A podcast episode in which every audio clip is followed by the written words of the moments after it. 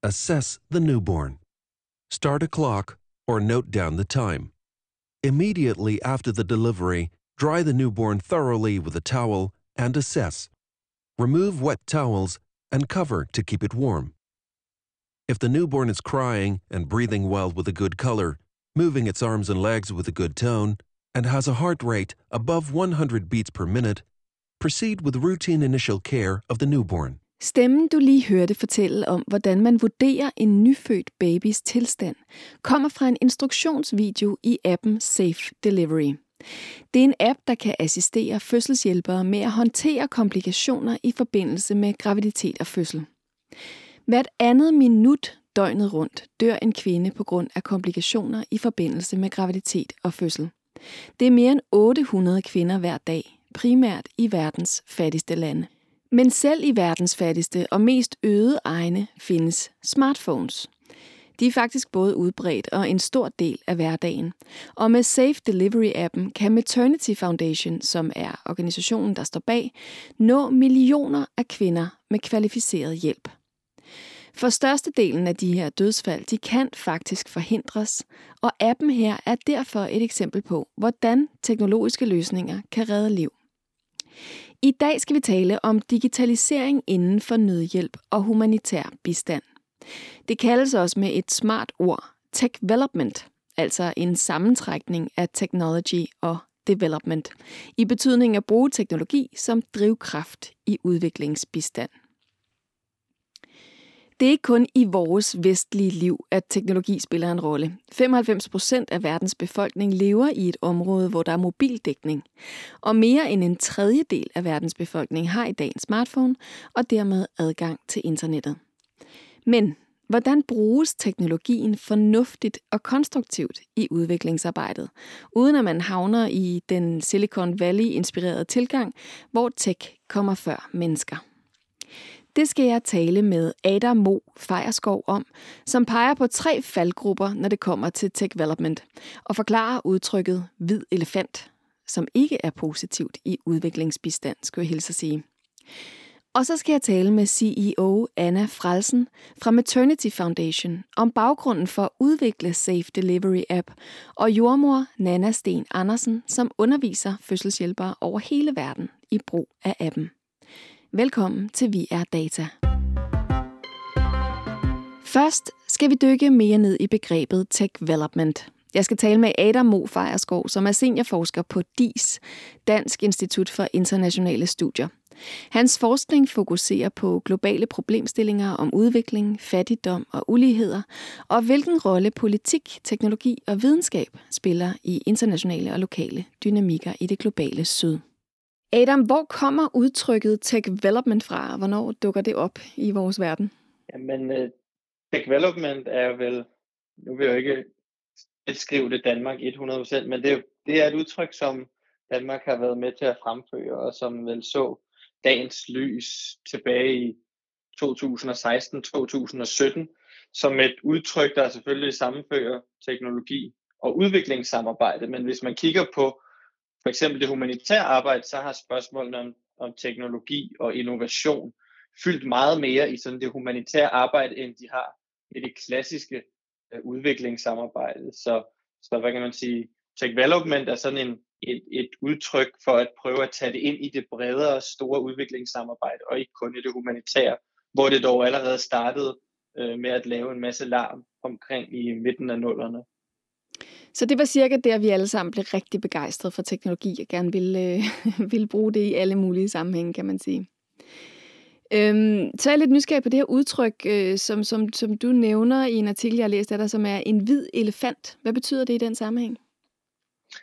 Ja, men hvid elefant er jo sådan et klassisk udtryk, man har snakket om inden for udviklingssamarbejdet i årtier.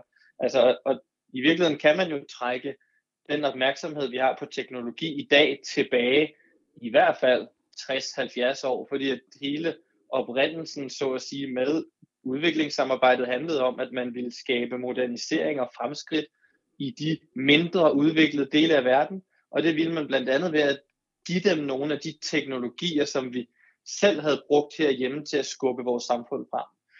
Og ligesom i det møde mellem, så at sige, vestlige moderne teknologier og resten af verden, der opstod der sådan en lang række projekter og en lang række teknologier og nogle gaver, der kom ind, altså, altså teknologier i form af gaver, som viste sig ikke at kunne fungere lokalt der, hvor man ville forsøge at introducere dem. Og derfor kaldte man dem, og den her type projekter, for hvide elefanter, fordi det simpelthen er, er nogle, nogle forsøg på at introducere en teknologi i en eller anden kontekst, hvor den overhovedet ikke har nogen, øh, så, så at sige, tilstedeværelse. Altså, den, den kan ikke gøre nogen som helst forskel på jorden. Nogle af de sådan klassiske eksempler i, i udviklingssamarbejdet, jo, men det er jo for eksempel, man har givet altså elektriske brønde til landsbyer, som ingen elektricitet har, eller du har givet sådan helt klassisk traktorer eller alle mulige typer maskiner, som har skulle være afhængige af måske benzin på den ene måde, som man ikke nødvendigvis har adgang til,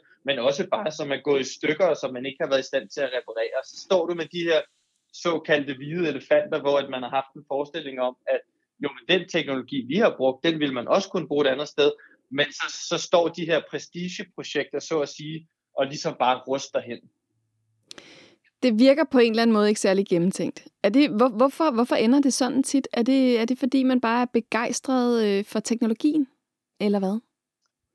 Ja, jeg tror jo først og fremmest handler det om gode intentioner, kan man sige. I hvert fald til en vis grad. Det handler om, at man har et ønske om ligesom at sige, hov, her er der et stykke teknologi, som har hjulpet os med at tage nogle fremskridt i samfundet, som har gjort, at vi over tid kunne få en bedre levestandard, og vi derfor kunne løfte vores samfund og vores økonomi. Og så har man ligesom tænkt, dem og andre, der ligesom også kunne få gavn af andre steder i verden, uden at man for alvor har forstået, at sådan nogle teknologier ikke dengang for 60-70 år siden, og heller ikke i dag, bare automatisk kan overføres, og så har de ligesom den samme effekt og bliver brugt på den samme måde. Det er ikke sådan, det foregår i virkeligheden, så fordi der altid er mennesker involveret i, når man flytter teknologi, så bruger menneskene jo teknologien meget anderledes andre steder i verden, end vi gør det her, fordi de har en anden situation, de lever under nogle andre forhold, og har en, nogle andre kulturer, og derfor vil der altid være sådan en oversættelse, så at sige, når teknologien den flyttes mellem forskellige hænder rundt omkring i verden. Som jeg forstår det, så var tidligere tiders øh, nødhjælpsarbejde sådan mere fokuseret på, på kollektivet og det at, at, at flytte, hvad kan man sige, øh, ja, få, få talt sig ind i institutioner eller i kollektiver, hvor det nu henvender sig mere til individet. Kan du prøve at beskrive den udvikling? Altså man kan sige, inden for den sådan tech development bevægelse, der er, eller det fokus, der er på innovation, så handler det jo ikke mindst om, at man er enormt inspireret af Silicon Valley, altså den amerikanske vestkyst og de traditioner, der har været for teknologiudvikling der, som vi jo alle sammen kender, om det er mobiltelefonen eller computeren eller de her ting, som jo i høj grad er individualiserede teknologier, som skal gøre noget godt, så at sige, for den enkelte person. Og når du så overfører det til alle mulige andre kontekster, så har det jo nogle gode og nogle mindre gode øh, ting med sig. For eksempel, hvis vi snakker om sådan en ting som altså blockchain, så er det jo noget, der i høj grad handler om at skulle sådan udrydde, udrydde det behov, vi har for tillid mellem hinanden. Fordi man siger, mennesker de er ikke til at stole på, derfor så bliver vi nødt til at flytte tingene op på en blockchain for eksempel, sådan så alle kan se, hvad der foregår, og vi ikke behøver at have nogen tillid længere. Og, og samtidig så, så sker der, hvad kan man sige, en bevægelse hen imod det her med, at det er individet, der bliver centrum. Vi vil gerne hjælpe individet i et udviklingsland med nogle teknologier. Vi vil gerne måske komme udenom nogle korrupte byråkrater. Det er jo sådan noget, man typisk hører, at folk er så korrupte, og hvis vi bare kan lave en ny form for samarbejde, hvor vi går udenom alle de her korrupte statsinstitutioner, om det også kan være bankerne, men det i høj grad også byråkratiet, jo, men så kan vi skabe en hjælp, der går direkte til den enkelte person, og som ikke, hvad kan man sige, bliver mistet, mister nogen værdi, eller bliver udsat, udsat for korruption undervejs. Problemet er jo bare, at, hvad kan man sige, herhjemme er vi vant til at have nogle stærke offentlige og statsinstitutioner. Vi er vant til at have et stærkt retssystem for eksempel. Men hvis man vælger udelukkende i sit samarbejde med fattige lande at fokusere på det enkelte individ, så bliver det enormt vanskeligt over tid at opbygge de her meget vigtige institutioner, som jo er med til at sikre vores retssikkerhed, de er med til at sikre vores menneskerettigheder i det hele taget. Så derfor er det også farligt at have den her meget ekstreme individualisering. En anden tendens, som, som du beskriver, det er det her øh, i forhold til tech development, det er det her, at der øh, nu til dags ofte er tale om tech-eksperimenter, der testes i udviklingslandene, altså ikke afprøvede teknologier. Hvordan kan det være? Altså det er, noget, det er noget af det, der er rigtig interessant at se på. Nu snakker vi jo omkring de her, at man i gamle dage kiggede, eller kiggede imod og brugte de, de teknologier, som vi kendte herhjemmefra. Ikke? Det var traktoren, man sendte afsted, det var brønden, der kom afsted. Alle de her ting, som for eksempel i, i et land som Danmark har været så afgørende fra vores landbrug.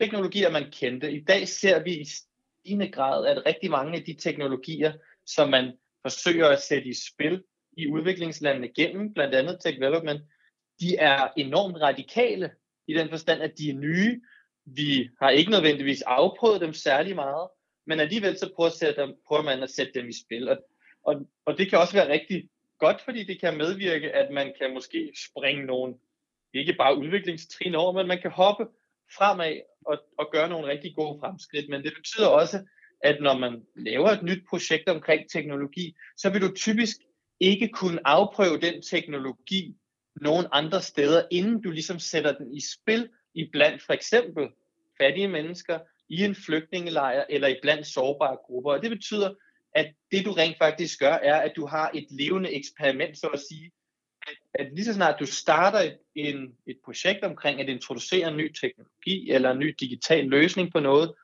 jo, men så samtidig med, at du forsøger at implementere den her løsning, så er det rent faktisk et socialt eksperiment, du har at gøre med, hvor at du kun kan se, så at sige, konsekvenserne i takt med, at de udfolder sig foran dine øjne. Og det betyder jo, at hvis man ikke er, passer enormt meget på, og er enormt påpasselig og forstår, og kan reagere, hvis der er en situation, hvor der sker nogle dårlige ting, jo, men så, så er der en risiko for, at der er nogle sårbarheder, som nye sårbarheder, der kommer i spil, eller at der er nogle mennesker, der måske lider nød. Det lyder jo meget kynisk. Det lyder som om, at, at tech branchen på en eller anden måde benytter det hele det globale syd som en form for laboratorium. Er, er, det, er det sådan, det foregår lige nu, at der er en interesse i det faktisk?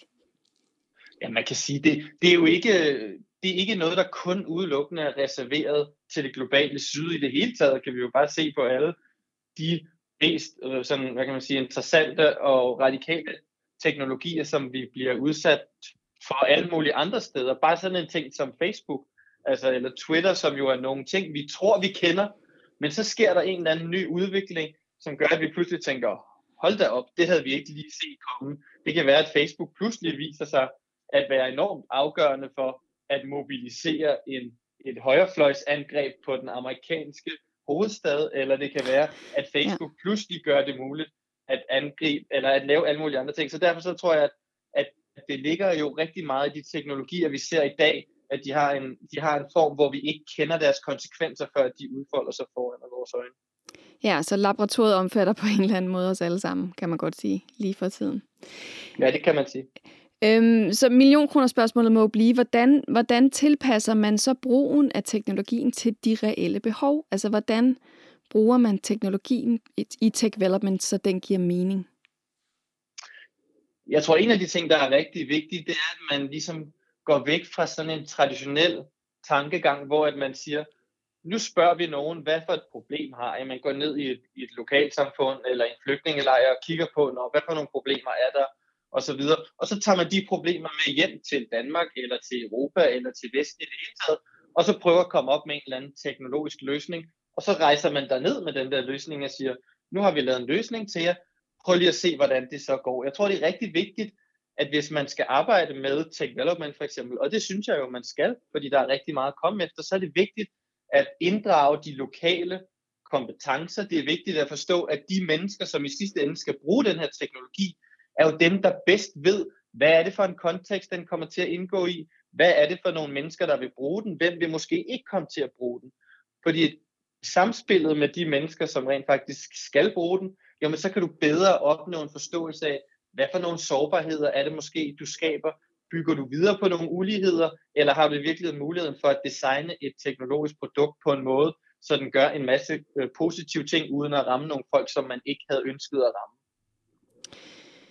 Og lige nu, øh, der befinder vi os så i en øh, haste digitalisering, kan man sige. Her under covid-19-pandemien, der har vi alle sammen været nødt til at benytte os af digitale løsninger i langt, langt højere grad, end vi er vant til. Hvad har det gjort ved udrulling af og fokus på, på tech development i det hele taget? Men det er jo klart, at covid-19-situationen har jo øh, kan man sige, fremskyndt en masse ting. Generelt set ved vi jo, at når du har at gøre med nødsituationer eller kriser, men så er vi typisk villige til at tage, gøre nogle forsøg, tage nogle skridt fremad, som vi måske ville have været lidt mere påpasselige med, hvis vi ikke havde stået i den her krisesituation. Vi kan bare se på vaccineudviklingen under covid-19. Processer omkring vacciner, som typisk ville have taget flere år, de har nu taget få måneder. Så vi er villige til at tage tingene lidt videre. Det betyder også, at vi står i en situation, hvor at man i stigende grad kigger imod teknologien og siger, i stedet for bare at så at sige bygge tilbage, som man har snakket om, så vil vi rigtig gerne se, kan vi bruge nogle teknologier til at skubbe nogle processer endnu hurtigere frem, til at skabe nogle fremskridt, til at skabe nogle løsninger omkring sundhed for eksempel. Så derfor så, så er covid-19 i høj grad en situation, hvor at eksperimenterne vil blive fremhævet og vil blive styrket endnu mere, end de har tidligere, fordi vi ligesom skaber et mantra om, at nu skal vi for alvor tage nogle hurtigere skridt, end vi har gjort tidligere. Tusind tak for din tid, Adam. Det var så lidt. Anna Frelsen er CEO i Maternity Foundation, som er organisationen bag Safe Delivery App. Maternity Foundations mission er at uddanne fødselshjælpere til at skabe sikre fødsler for millioner af kvinder og spædbørn verden over, og at bruge digitale platforme og innovativ tilgang til at nå ud til så mange som muligt for at redde flest mulige liv. Safe Delivery App blev første gang lanceret i Etiopien tilbage i 2015, og den er nu downloadet over 164.000 gange i 40 lande. Anna, du er CEO for Maternity Foundation, som står bag Safe Delivery App. Hvor kom ideen fra til den her app? Jamen, øh, ideen kom egentlig fra, altså Maternity Foundation, vi er en, øh, vi er en dansk NGO. Vi har arbejdet nu jamen, snart i 15 år, og vi startede vores arbejde med at arbejde, du kan sige mere klassisk, uh, on the ground i Etiopien. Og de erfaringer, vi gjorde os der omkring, hvad er det virkelig, der skal til for at øh, sikre både øh, kvinder øh, og spædbørns øh, overlevelse? Hvad er det for nogle øh, barriere, der er? Og hvad er det ligesom de kritiske ting, der skal til for, øh, at, at, at overlevelse sker? Og en af de store erfaringer, vi har gjort os der, det er, øh, hvor vigtigt det er, at de fødselshjælpere, der står øh, ved, ved kvindernes side, både i forbindelse med graviditeten øh, og fødslen, de har nogle helt basale øh, kvalifikationer, øh, som kan være livreddende. Øh, det, så det er for eksempel så som, hvordan man stopper en blødning øh, efter fødslen, hvordan man øh, genoplever et barn, øh, som ikke trækker vejret, og, og en del andre øh, kritiske interventioner. Man kan sige en, en slags øh, øh førstehjælp for, for fødsler. Øh, og, øh, og, og det, de, at kunne håndtere de øh, interventioner, det er ikke et spørgsmål om at øh, investere i avanceret udstyr eller øh, øh, hospitaler eller noget. Det er simpelthen et spørgsmål om, at de fødselshjælper, der står ude, selv i de mest fjernlæggende egne, at de har basale, basal viden, basal kunden omkring, hvordan de skridt for skridt skal håndtere de her ting baseret på den erfaring fra Etiopien, gik vi sammen med øh, læger fra Københavns Universitet øh, og Syddansk Universitet omkring at udvikle, i første omgang var det en app, som skulle adressere de her øh, kritiske interventioner, og skridt for skridt øh, igennem appen instruere fødselshjælpere øh, i, hvordan de skulle, skulle håndtere det. Så hvorfor lige en... Jo... Undskyld, ja, ja. bare fortsæt. Ja, nej, men og, og, og grunden til, at vi tænkte en app, jamen det var jo egentlig, fordi det vi kunne se, det var, at selvom det tit er, kan man sige, meget øh, basale øh, vilkår eller omstændigheder, som de her fødselshjælper, de arbejder under, jamen det er tit, der ikke engang er rindende vand eller strøm, så kunne vi se på det tidspunkt allerede, som jo er øh, 7-8 år siden, der kunne vi se, at det med adgang til mobiltelefoner, det var virkelig noget, der, øh, der var under hastig øh, udvikling. Så den mulighed for og, øh, og tappe ind i det og bruge det som en måde til at nå helt ud, hvor det ellers er svært at nå ud øh, af mange grunde. Det var det, var det, det, var det vi så som, som noget, vi gerne ville arbejde videre øh, på sammen med vores universitetspartnere. Ja, for umiddelbart så tænker man vel, hvad med en bog? Hvad med en manual? Altså har det ikke, har det Ja. ikke samme effekt i de, øh, i de regioner, som I arbejder i? Jamen, det, det har en effekt, men det vi også kan se, det er, øh, at for eksempel manualer er komplekse, de er tæt skrevne tit, øhm, og, og, øh, og vi har tit at gøre med en målgruppe, jamen, som både har behov for hurtigt at tilgå øh, øh, instruktioner, men også som, hvor det skal være nemt øh, og intuitivt. Det skal det vel øvrigt for os alle sammen. Øh, Så det her med at, øh, at koge de relativt komplekse øh, globale øh, guidelines øh, ned til noget, som skridt for skridt på en øh, animeret, øh, enkel måde og meget pædagogisk måde øh, fortæller, hvordan man skal håndtere de her interventioner. Det har ligesom været kernetanken bag øh, appen fra starten, at vi skal gøre læring øh, enkel og nem og tilgængelig. Og nu er appen jo ved at være 8 år gammel, så vidt jeg ved. Hvordan, hvordan har den udviklet sig i, den i, i dens levetid? Ja, det er et godt spørgsmål. Altså fordi, øh, da vi startede, der havde vi egentlig ingen, øh, hverken os eller vores partner, nogen form for erfaring med, med teknologi. Så det er jo ikke, det, vi har jo aldrig startet ud fra en tankegang om, at nu skulle vi lave noget, der var øh, teknologisk øh, smart. Og det kan man sige, det var det bestemt heller ikke i starten. Altså det, der var fokus på, det var meget indhold øh, og, og det her pædagogiske. Og, øh, og, og det blev så lagt på en meget, meget enkel øh, hardcoded app. Øh, og så lavede vi et, et randomiseret forsøg på det, så vi ligesom som det første ville teste, virker det her, virker den her type indhold, den her type øh, kan man sige, kanal at være en app, kan man bruge det ude i en, i en, fjernlæggende øh, øh, egen øh, og kontekst. Øh, så, så teknologien var på ingen måde først. Øh, det var øh, udviklingen øh, af indholdet, og så det her med at få testet, om, om det virkede. Sidenhen er, kan man sige, så over tid fandt vi jo så ud af, at det gjorde det. I den grad, det virkede. I den grad, vi kunne virkelig godt bruge appen. Sundhedsarbejderne følte sig meget styrket. De, vi kunne også se i, i data, at de faktisk mere end fordoblede mange af deres øh, kritiske kvalifikationer. Øh, de fandt appen nem øh, at bruge, også selvom man kan sige det at, at, at bruge øh, digitale værktøjer ikke nødvendigvis på det tidspunkt var en del af deres øh, hverdag, så synes de, det var nemt at gå til. Så baseret på det fik vi jo mod på mere og, øhm, og, øhm, og, og videreudviklet appen og den platform, der ligger omkring signifikant siden. Både i forhold til den måde, vi det indhold, vi har lagt på, men også den måde, vi hele tiden kan opdatere, øh, tilpasse indholdet forskellige landes øh, sprog, øh, visuelle kan man sige, ud, udtryk, øh, og også de guidelines, der er i enkelte lande. Så det med at have udviklet hele backend-systemet omkring appen, så den er nem at arbejde med, videreudvikle på, øh, og også så vi hele tiden kan analysere på data og blive klogere på, hvad virker, hvordan virker det, og hvad virker ikke. Ja, og så har I det her My Learning-modul, ikke? Sådan lidt quiz-agtigt modul, som også er Ja, relativt ja. nyt. Hvad er det, det kan?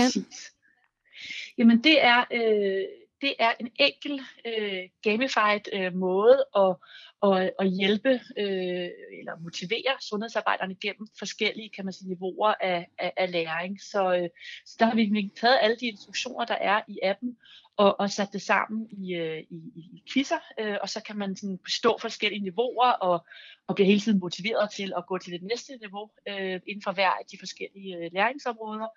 Og så til sidst kan man så tage en, en lille eksamen, så man kan blive en certificeret, øh, vi kalder det så en, en Safe Delivery øh, Champion. Og det vi kan se med det, det er, at det driver jo øh, rigtig meget øh, brug af appen, at, at, at der er en eller anden form for øh, faktisk et, et konkurrencemæssigt element i mange lande også i forhold til at, at hurtigst muligt komme igennem, hurtigst muligt øh, nå de forskellige niveauer, øh, og det driver øh, både brug, men selvfølgelig også øh, læring, hvilket jo er, er målet. Og det, som du selv siger, I får vel også rigtig meget data tilbage på det her. Nu er I efterhånden ude i mange lande, I har mange brugere. De her store mængder data, som I også får tilbage ved, at folk de, de quizzer og uddanner sig. Hvordan, hvordan bruger I det? Jamen, det bruger vi på, på flere måder. Vi bruger det selvfølgelig øh, først og fremmest til at kunne øh, se, jamen, hvordan, hvordan går vores udrulning. Af, af, en ting er at have et download, men bliver den også brugt øh, løbende?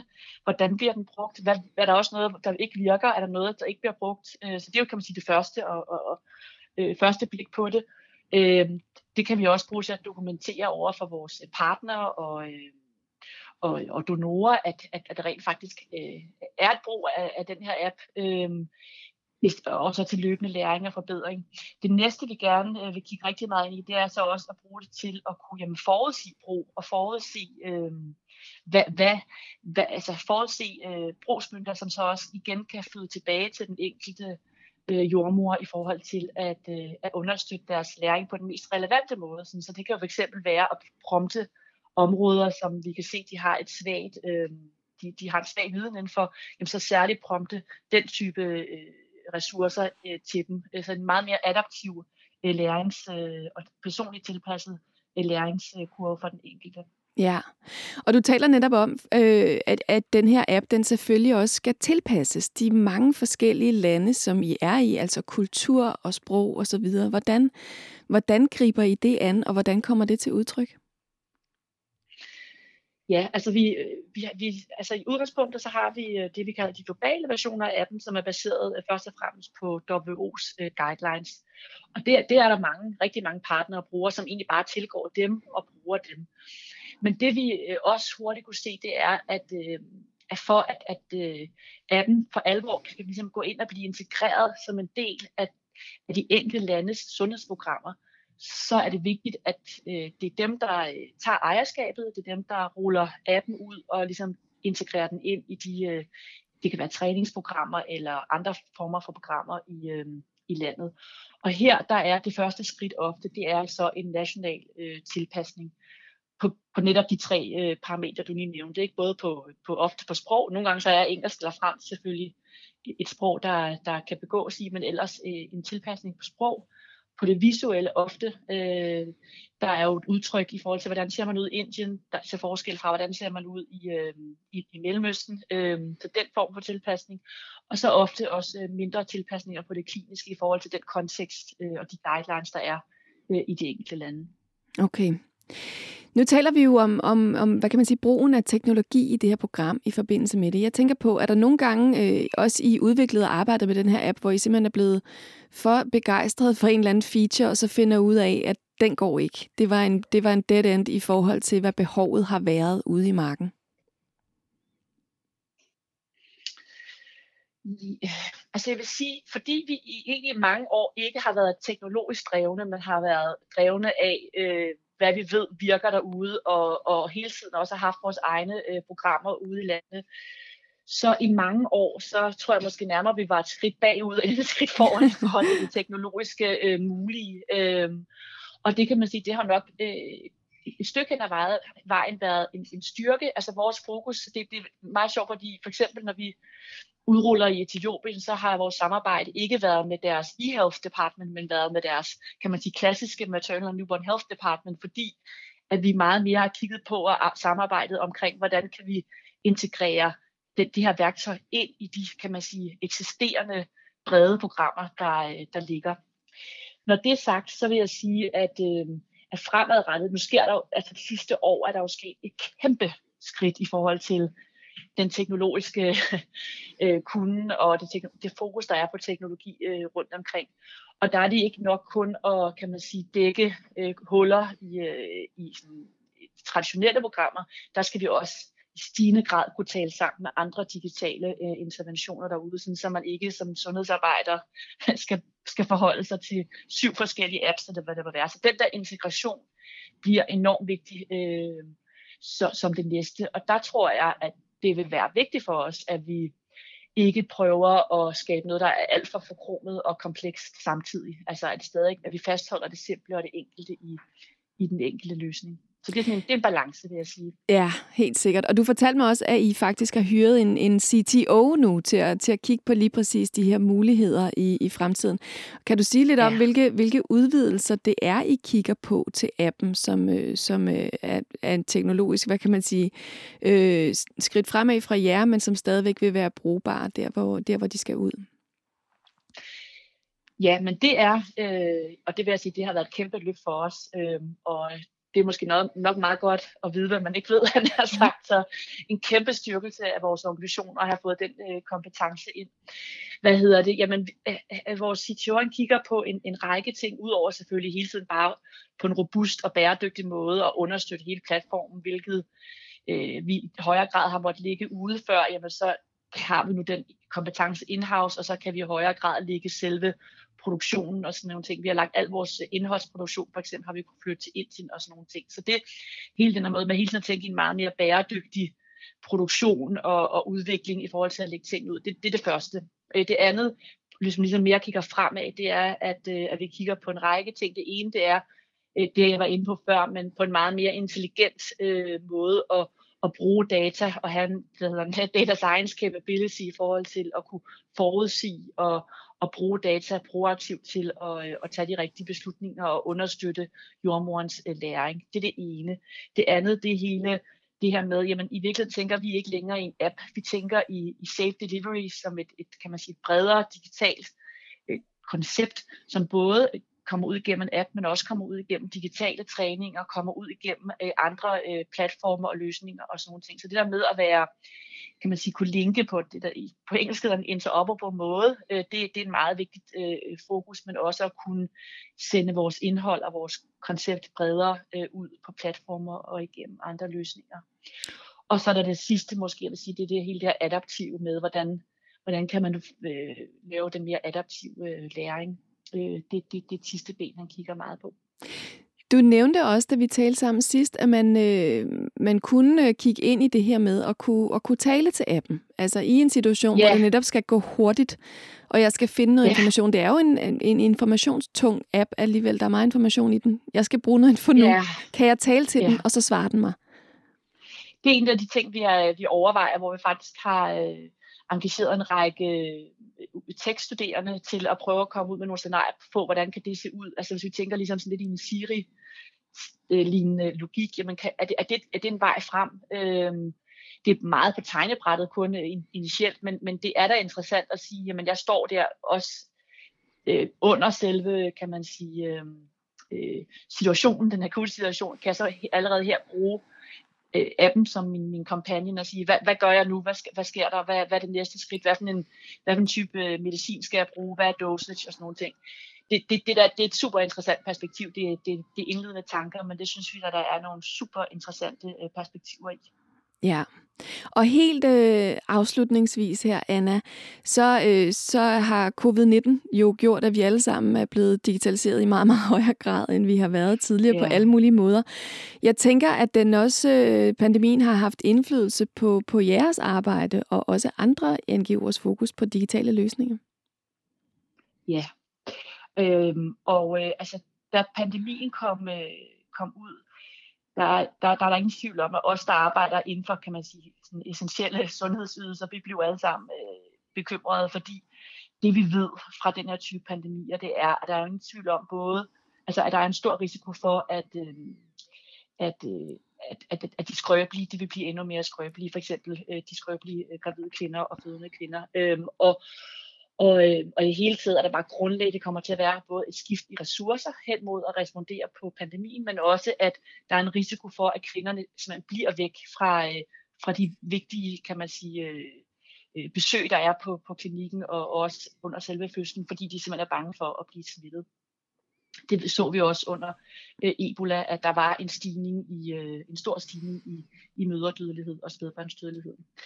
Så, det, så med, med det i mente, så kiggede vi ret hurtigt sammen med nogle øh, globale partnere på, jamen, hvordan kunne vi hurtigt, øh, kan man sige, få, få relevant information ind omkring, øh, res, hvordan man responderer og håndterer øh, covid-19, og samtidig, samtidig med, at man kan fastholde kan man sige, en, en ordentlig respons over for de gravide og fødende. Og det, og det er også fordi, der kommer hurtigt, det kunne vi også se i Danmark, fordi der ikke er viden og erfaring omkring øh, øh, øh, covid-19, øh, så kommer der mange myter. Øh, må man amme, når man er smittet med covid-19? Øh, hvordan smitter man? Øh, hvordan kan man sikre, at man ikke bliver smittet? Og, og sådan nogle ting. Så hele det her med at håndtere alle de her øh, myter, byggende på, på den løbende, kan man sige, øh, evidens, der er kommet ud.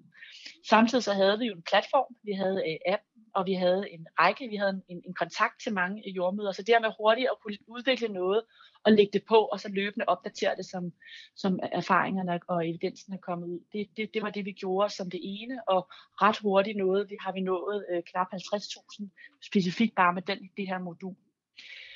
Øhm, og så samtidig vil jeg sige, kan jeg, øh, øh, sige, at det er jo ikke kun øh, studerende herhjemme og elever herhjemme, der har skulle på Zooms og Teams og sådan nogle ting. Det har jordmøderne også skulle, fordi der har jo heller ikke været fysiske øh, træningsprogrammer for dem. Så vi har også øh, sammen med partnere lavet nogle øh, remote træninger, hvor vi har øh, ja, trænet øh, jordmøderne øh, ude, i, ude i verden på, på nye måder. Koblet med det, kan man sige, øh, der ligger i appen, og de videoer, og de instruktioner og quizzer og sådan nogle ting, og så lagt ligesom et lag træning øh, oven på det. Anna, tusind tak for din tid. Det var så spændende at høre mere om Safe Delivery app. Selv tak. Tak fordi øh, du I ville. Nana Sten Andersen er jordmor og ansat i Maternity Foundation til at undervise sundhedsarbejdere verden over i Safe Delivery app. I disse dage under en verdensomspændende pandemi foregår det ikke ved at rejse ud og møde fødselshjælperne, hvor de er. Det foregår derhjemme foran computeren via videocall meget ofte om natten på grund af tidsforskellen. Nana, hvad består dit arbejde i som, som jordmor i Maternity Foundation? Jamen, jeg blev ansat hos Maternity Foundation her i, i sommer, hvor min rolle den blev at udvikle og afvikle de her online træninger i vores Safe Delivery app og dens indhold. Og normalt så ville vi tage ud og besøge de lande, som ønsker at implementere appen i deres sundhedssystem, men på grund af covid-19, så har vi måttet finde alternative løsninger, ligesom alle andre af de her træninger er så foregået over Zoom. Ja. Øhm, så du ja. sidder og øh, holder Zoom-undervisning med alle mulige steder i verden øh, og træner, træner sundhedsfagligt personale. Øhm, og for alle os, der ikke er sundhedsfagligt uddannet og har haft brug for den, hvad består appen af, og hvad kan den? Jamen, Safe Delivery-appen er et digitalt hjælpemiddel til, til sundhedspersonale, der beskæftiger sig inden for fødselshjælp. Og den indeholder undervisende obstetriske film i, i 13 forskellige temaer.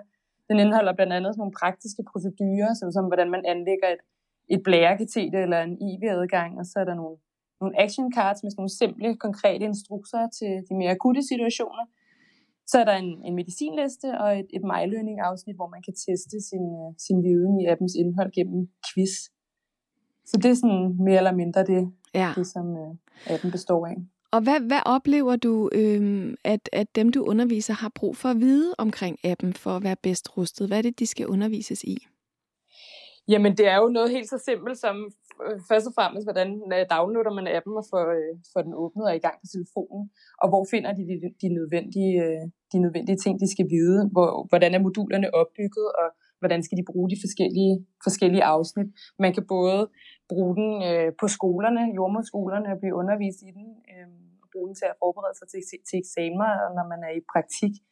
Øh, men også når man står i sit arbejde på hospitalerne i de akutte situationer, og så kan man bruge den bagefter til at reevaluere øh, situationer, som, som man har oplevet.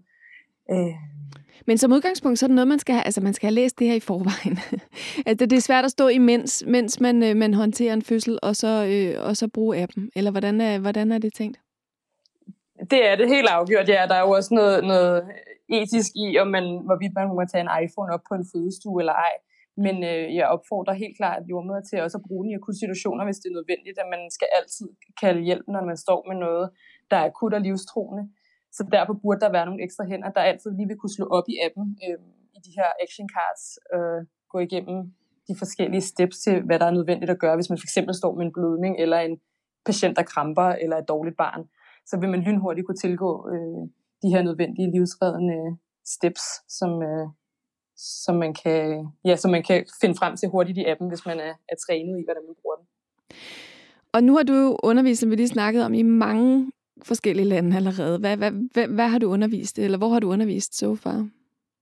Jamen, ofte så træner jeg i, i covid-19, og det infektionsforebyggende modul. Øh, man laver også træning af de andre livsreddende øh, obstetriske nødhjælpsmoduler, såsom for eksempel postpartumblødning og svangerskabsforgiftning og neonatal genoplevning. Og vi har indtil videre trænet sundhedspersonale i Somalia, Maldiverne, Nepal, Kambodja, Bangladesh, Kirgistan med russisk simultantolkning og i, i Papua Ny Guinea.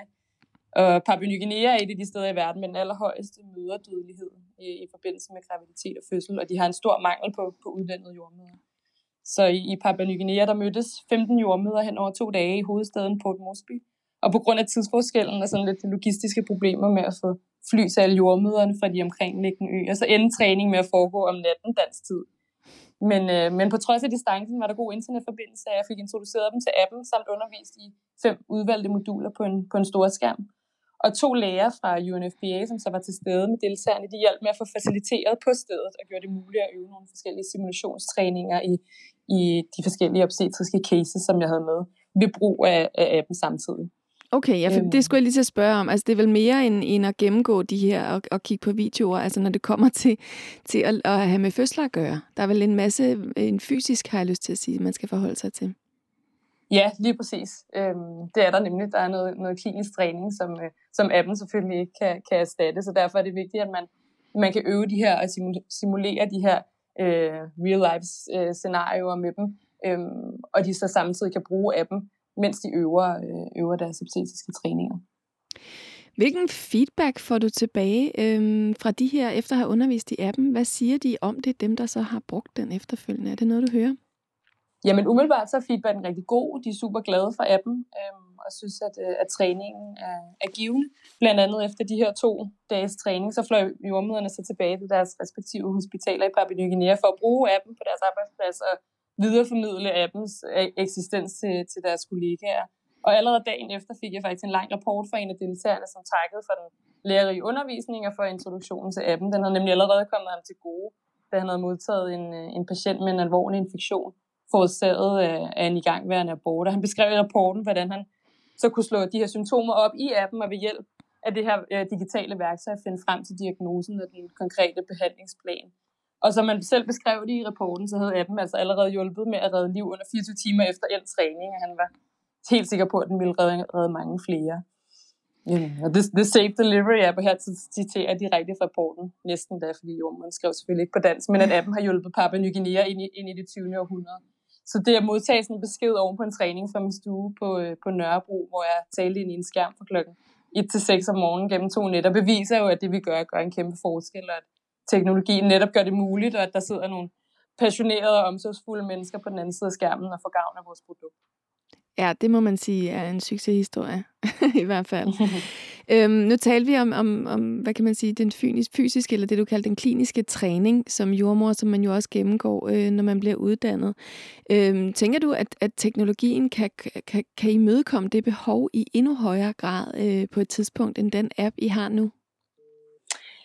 Altså, det tænker, jeg, øh, det tænker jeg helt afgjort. Alle vi her i de her tider, hvor svært det er at koncentrere sig om, om online-undervisning. Så, så det er vigtigt at finde frem til den metode, der giver ligesom den, den stejleste læringskurve. Og vi er faktisk derfor ved at udvikle et projekt, sådan et pilotprojekt i Etiopien, hvor vi, øh, som vi forhåbentlig kan skyde i gang her til marts, og så skal det forløbe seks måneder frem. Men det er et seks, seks måneders randomiseret og kontrolleret studie, som skal undersøge, hvilken model, der skaber det bedste læringsmiljø og de mest succesfulde resultater for modtagerne, det er, om det er små, flere koncentrerede webinarer på to timer, spredt ud over en længere periode, eller om det er sådan to dages intensiv kurser. Så det bliver vi forhåbentlig klogere på. Men, men temaet for den her undervisning, det bliver neonatal førstehjælp, som er tre ud af vores 13 moduler i appen. Og, øh, og her der har vores norske kollegaer og samarbejdspartnere fra Lerdal Global Health udviklet nogle helt fantastiske mannequin simulationsdukker, både af gravide kvinder og nyfødte spædbørn. Og de er efterhånden blevet så virkelighedstro, at kvinderne både kan føde en baby og føde placenta, bløde teaterblod og simulere en atonisk uterus, den kan give feedback. Og babyerne kan illustrere, hvordan et dårligt barn både ser ud og lyder, som f.eks. med en lav eller manglende hjertefrekvens eller en påvirket øh, respiration. Så de her dukker, de er allerede bestilt øh, på vej til vores hovedkontor i København og til vores hovedkontor i Addis Ababa i Etiopien. Og jeg glæder mig helt utrolig meget til at få prøvet de her dukker af. Og ideen er ligesom, at vi så kan demonstrere færdighederne på dukkerne over webcam, og deltagerne på den anden side så kan gentage og øve de her færdigheder, mens vi kan øh, observere og give feedback. Og de her dukker bliver så styret gennem en app, hvor man forestiller, øh, øh, forestiller sig, hvad for en, øh, indstiller dukkerne til, hvad for en tilstand patienten ligesom skal være i, hvor hurtigt og hvor meget hun skal bløde, for eksempel, eller hvor, hvor hurtigt babyens hjerte skal slå. Så det, det er jo helt fantastisk at have de her teknologiske hjælpemidler, som gør det, gør det muligt at komme så tæt på et virkelighedsscenarie som muligt. Øhm, og jeg glæder mig utrolig meget til at se, hvordan det, det kommer til at forløbe i virkeligheden. Hvorfor, hvorfor er arbejdet med denne her app, altså Safe Delivery app, meningsfuldt for dig? Du sidder jo på virkelig lang afstand, som du beskriver, og underviser over Zoom fra din, fra din egen lejlighed. Hvordan, hvordan giver det mening for dig? Jamen, det giver jo mening for mig at kunne få lov at række ud til nogle, nogle jordmøder i verden, som har færre ressourcer end der, hvor jeg kommer fra, fra de danske hospitaler, og hjælpe dem med at give dem den her, det her værktøj i deres øh, jordmortaske, som de kan, de kan bruge. Øhm, det er jo hverken medicin eller, øh, eller øh, noget, øh, nogle øh, vildt store obstetriske hjælpemidler på den måde, men, men det er simpelthen en lille, en, et lille værktøj, de har i lommen og kan have med sig, og, og viden er altafgørende, når man står øh, ude i de lidt mere øde områder, hvor at øh, medicin og, og andre hjælpemidler er, er små. Så kan appen gøre en kæmpe forskel på, øh, på liv og død. Nana, tusind tak for din tid. Velbekomme, Marie. Du lytter til Vi er Data på Loud. Mit navn er Marie Høst. I dag har vi talt om digital nødhjælp eller tech development, og derfra dykket ned i Safe Delivery app og hvordan en mobil app gør en forskel for fødende kvinder rundt omkring i verden. Og her til slut i Via Data, der har jeg besøg af Anton Gade Nielsen, som er vært på podcasten All Caps, som også produceres her på Enigma, og som handler om, hvad vi taler om på internettet. Hej Anton. Hej. Hvordan går det på All Caps? Det går godt på All Caps. Vi, øh, vi har et ret glimrende program i den her uge, som handler om øh, altså et fortærsket emne på, på, på nogle måder, øh, tonen i gaming, men med en lidt ny øh, vinkel, som handler om øh, ord, der kan gøre ondt, men som er sagt i sjov. Ikke? Altså, vi har den her debat om et begreb som øh, simp. Jeg ved ikke, om du kender det gør jeg, fordi jeg har gamerbarn. som jo er øh, en, en ny måde at sige tøffelhelt, eller øh, et, et begreb, som er blevet brugt øh, førhen, som er white knight, altså at mænd, der bejler til kvinder og vil have kvinders gunst, er nogle øh, slapsvanse i bund og grund. Ikke? Det er et begreb, som er blevet brugt øh, meget, og som Twitch nu, den her platform, hvor man kan streame gaming, øh, har forbudt, at man bruger i, en, altså, i negativ sammenhæng. Så det tager jeg en diskussion med en gamer blandt andet om. Det er super spændende. Det ja. glæder jeg mig til at høre. Gør det. Øhm, digital øh, udvikling inden for nødhjælp eller humanitær bistand, det er jo sjældent noget, der sådan påvirker os privilegerede danskere særlig meget. Men til gengæld så har Facebook for nogle år siden tilføjet sådan en feature, som bliver udrullet, bliver udrullet i forbindelse med for eksempel naturkatastrofer mm. eller terror, som mange nok er stødt på, øhm, nemlig Safety Check-in. Har du nogensinde trykket på Safety Check-in, sådan en jeg er OK-knap? Nej, altså jeg tror, det, jeg prøver at komme i tanke om, men altså, jeg har jo aldrig, jeg har jo ikke som sådan befundet mig i, i katastrofeområder, men jeg synes, der var en eller anden, et eller andet tidspunkt, hvor, det, hvor der var mulighed for at trykke på den, men det, men det har jeg, altså det har jeg jo ikke. Jeg har ikke været i jordskælv eller terror. Så nej, nej, nej. Og spørgsmålet er, om det så er det første, man ville tænke på. Åh, oh, jeg skal lige på Facebook. Ja. det ja. kan være, det var, altså, dengang de rullede det ud, der, var, der brugte jeg i hvert fald Facebook mere øh, dagligt og sådan til nyhedsfeed og være i kontakt med vennerne, end jeg gør nu. Så, så dengang ville jeg nok have gjort det måske. Men du har sikkert oplevet venner, der gjorde det. Jamen, jeg havde nogle venner, som var i Nepal under et jordskælv, hvor øh, den der dukkede op. Øh, og der lagde jeg jo mærke til det, fordi de havde meldt sig som øh, okay, ikke? Jo. Ja. Og, og blev du så mere tryg og sikker af det, tænker du? Altså, jeg, de er så gode venner, at jeg er ret sikker på, øh, hvis jeg husker korrekt, at vi var sådan i løbende dialog med hinanden, så det var ikke via den der øh, funktion, at jeg fandt ud af, at de ikke var døde. Det, det var fordi, vi snakkede sammen, og vi var venner. Eller er venner, det er der stadigvæk, ikke? Men, men dengang, der talte vi jo sammen. Ja. Så, så ja, det er, det er jo meget fint, øh, hvis man gerne vil fortælle alle sine 600 Facebook-venner, at man er i Nepal under et jordskælv og er overlevet, men dem, der virkelig behøver at vide det, tror jeg på en måde vil få det at vide alligevel. Altså, det håber man. Ja. det håber man jo lidt. Jeg tænker også, øh, en af de kritikpunkter, der blandt andet har været på den her knap, har været, at hvis man så klikker på den øh, og markerer sig selv som sikker, hvis man er en af dem, der er i området, så kan man så samtidig se, hvor mange i området, der ikke er tjekket ind. Altså, så kan du ligesom få at vide, okay, 50 af dine venner er sikre, mm. 250 af dine venner er ikke sikre. Ja, Ja, at det, det, at man ikke har markeret sig sikker, betyder ja. jo ikke nødvendigvis, at du er øh, død eller i fare. Det betyder jo måske bare, at du har andre prioriteter lige på det tidspunkt, end at gå på Facebook og trykke dig selv som sikker. Lige præcis. Og det spørgsmål, det skaber mere angst end sikkerhed, så. Men en af de altså man kan sige, en af de argumenter for, at de udrullede det, og at det var en god idé at bruge det, det er jo det her med telefonnettet i sådan nogle, øh, sådan nogle steder, øh, og det her med, at alle på samme tid skal ringe og sige, hey, jeg er okay, øh, til deres familie og venner i udlandet.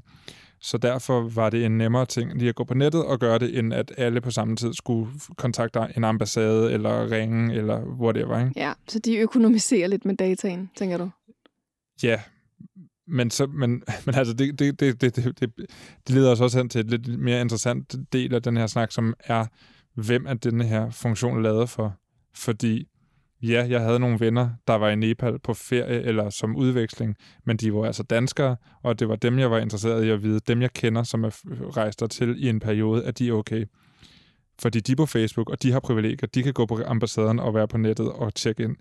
Men hvad med alle de andre? Altså, ja. Hvad med dem, der bor der? Ja. Ja, lige præcis. Og, den, og det, der får Facebook også, hvad kan man sige, kritik i forbindelse med denne her øh, funktion, fordi hvornår er det lige, den skal aktiveres? Den bliver, den bliver i højere grad, går kritikken på i hvert fald, aktiveret ved sådan noget øh, ved terror, som mm. jo har meget, meget høj mediedækning, men ikke altid er, er, er hvad kan man sige, katastrofer eller begivenheder, som, som øh, involverer enormt mange mennesker. Det kan jo faktisk være begrænset til nogle ganske få. Hvorimod, øh, altså for eksempel når, når en lastbil har kørt ind og slået, slået seks mennesker ihjel, hvilket er fuldstændig forfærdeligt. Det er slet ikke det. Men det er jo ikke, det er jo ikke hundredvis af mennesker i sådan nogle tilfælde, for eksempel. Der er ret stor sandsynlighed for, at du har overlevet. Ja, det er der jo faktisk, ikke? hvis man skal være helt kynisk, hvor at den så ikke øh, blev det for eksempel nævnt, blev aktiveret ved, ved et jordskælv i Iran-Irak i 2017, ja. hvor der var virkelig, virkelig mange mennesker, der omkom. Så altså, er det mediedækningen, der skal beslutte, om den her knap, den, øh, den skal aktiveres eller ej? Ja, og er det på Facebook, vi skal, altså er det Facebook som platform, man skal gå ind og, og søge og give den her information om ens sikkerhed i forbindelse med naturkatastrofer? Altså er det ikke lidt sådan et, et virvar af alle mulige forskellige indtryk og ting, man lige pludselig kan på Facebook? Skal Facebook ikke holde sig til at være medieplatform og, og lade alt det der nødhjælpshalløj øh, være, være nogle andres ansvar og nogle, måske nogle myndigheder i stedet for? Det, det, altså, jeg har ikke svaret, men jeg synes bare, det er interessant, at Facebook øjner en mulighed i alle ting, og også naturkatastrofer, skal de også lige være dem, man går til. Altså, det er sådan... Oh, det, det virker lidt kvalmt på en eller anden måde. Ja, og det handler måske mere om, at der skal være mere Facebook, end det handler om, at der skal være mere sikkerhed, ikke? Øhm. Det, det er i hvert fald sådan, det kan virke, ikke? altså, det, det var også lidt interessant, jeg før, da jeg havde fødselsdag, øhm, så, så spurgte Facebook mig, om jeg ville arrangere en indsamling øhm, som også er noget nyt, de er begyndt ja. at gøre. Så det her med, hvad vil du ikke bruge din fødselsdag til at arrangere en indsamling til et godt formål? Og det er bestemt ikke, fordi jeg er modstander af gode formål, men jeg bliver, jeg bliver en lille smule provokeret over, at Facebook skal bede mig som enkeltperson om at samle øh, penge ind til det. Jeg synes, der, jeg synes, der på en eller anden måde er bedre måder og bedre fora til at lave en indsats på det her, end at jeg som en fødselsdagsting samler 2.000 kroner ind til kattens værn. Det vil jeg selvfølgelig aldrig gøre. Jeg vil gøre noget meget, meget, meget mere relevant. Men you know. Ja, ja. Jo, men det er som om, at, at, at der er en forretningsmulighed i alt. Om det så er gode ting som din fødselsdag, eller forfærdelige ting som et terrorangreb, så kan Facebook på en eller anden måde få ret, rettet vores opmærksomhed mod dem som platform. Og det er det, jeg tror, jeg synes, der er det, det grimme ved det her, på en eller anden ja, måde. Ja. Selvom det er også en god funktion på en eller anden måde. Altså, det er da meget fedt, at vi ved, at vores venner er i live hvis det ikke lige var, fordi man måske kunne snakke med dem på andre måder. Tak, Anton. Ja, men det var så lidt. det var alt, hvad vi nåede denne gang i Vi er Data. Programmet var produceret af og på Enigma Museum for Post, Tele og Kommunikation for Loud, og i redaktionen sidder Anton Gade Nielsen, Daniel Body og jeg selv. Jeg hedder Marie Høst.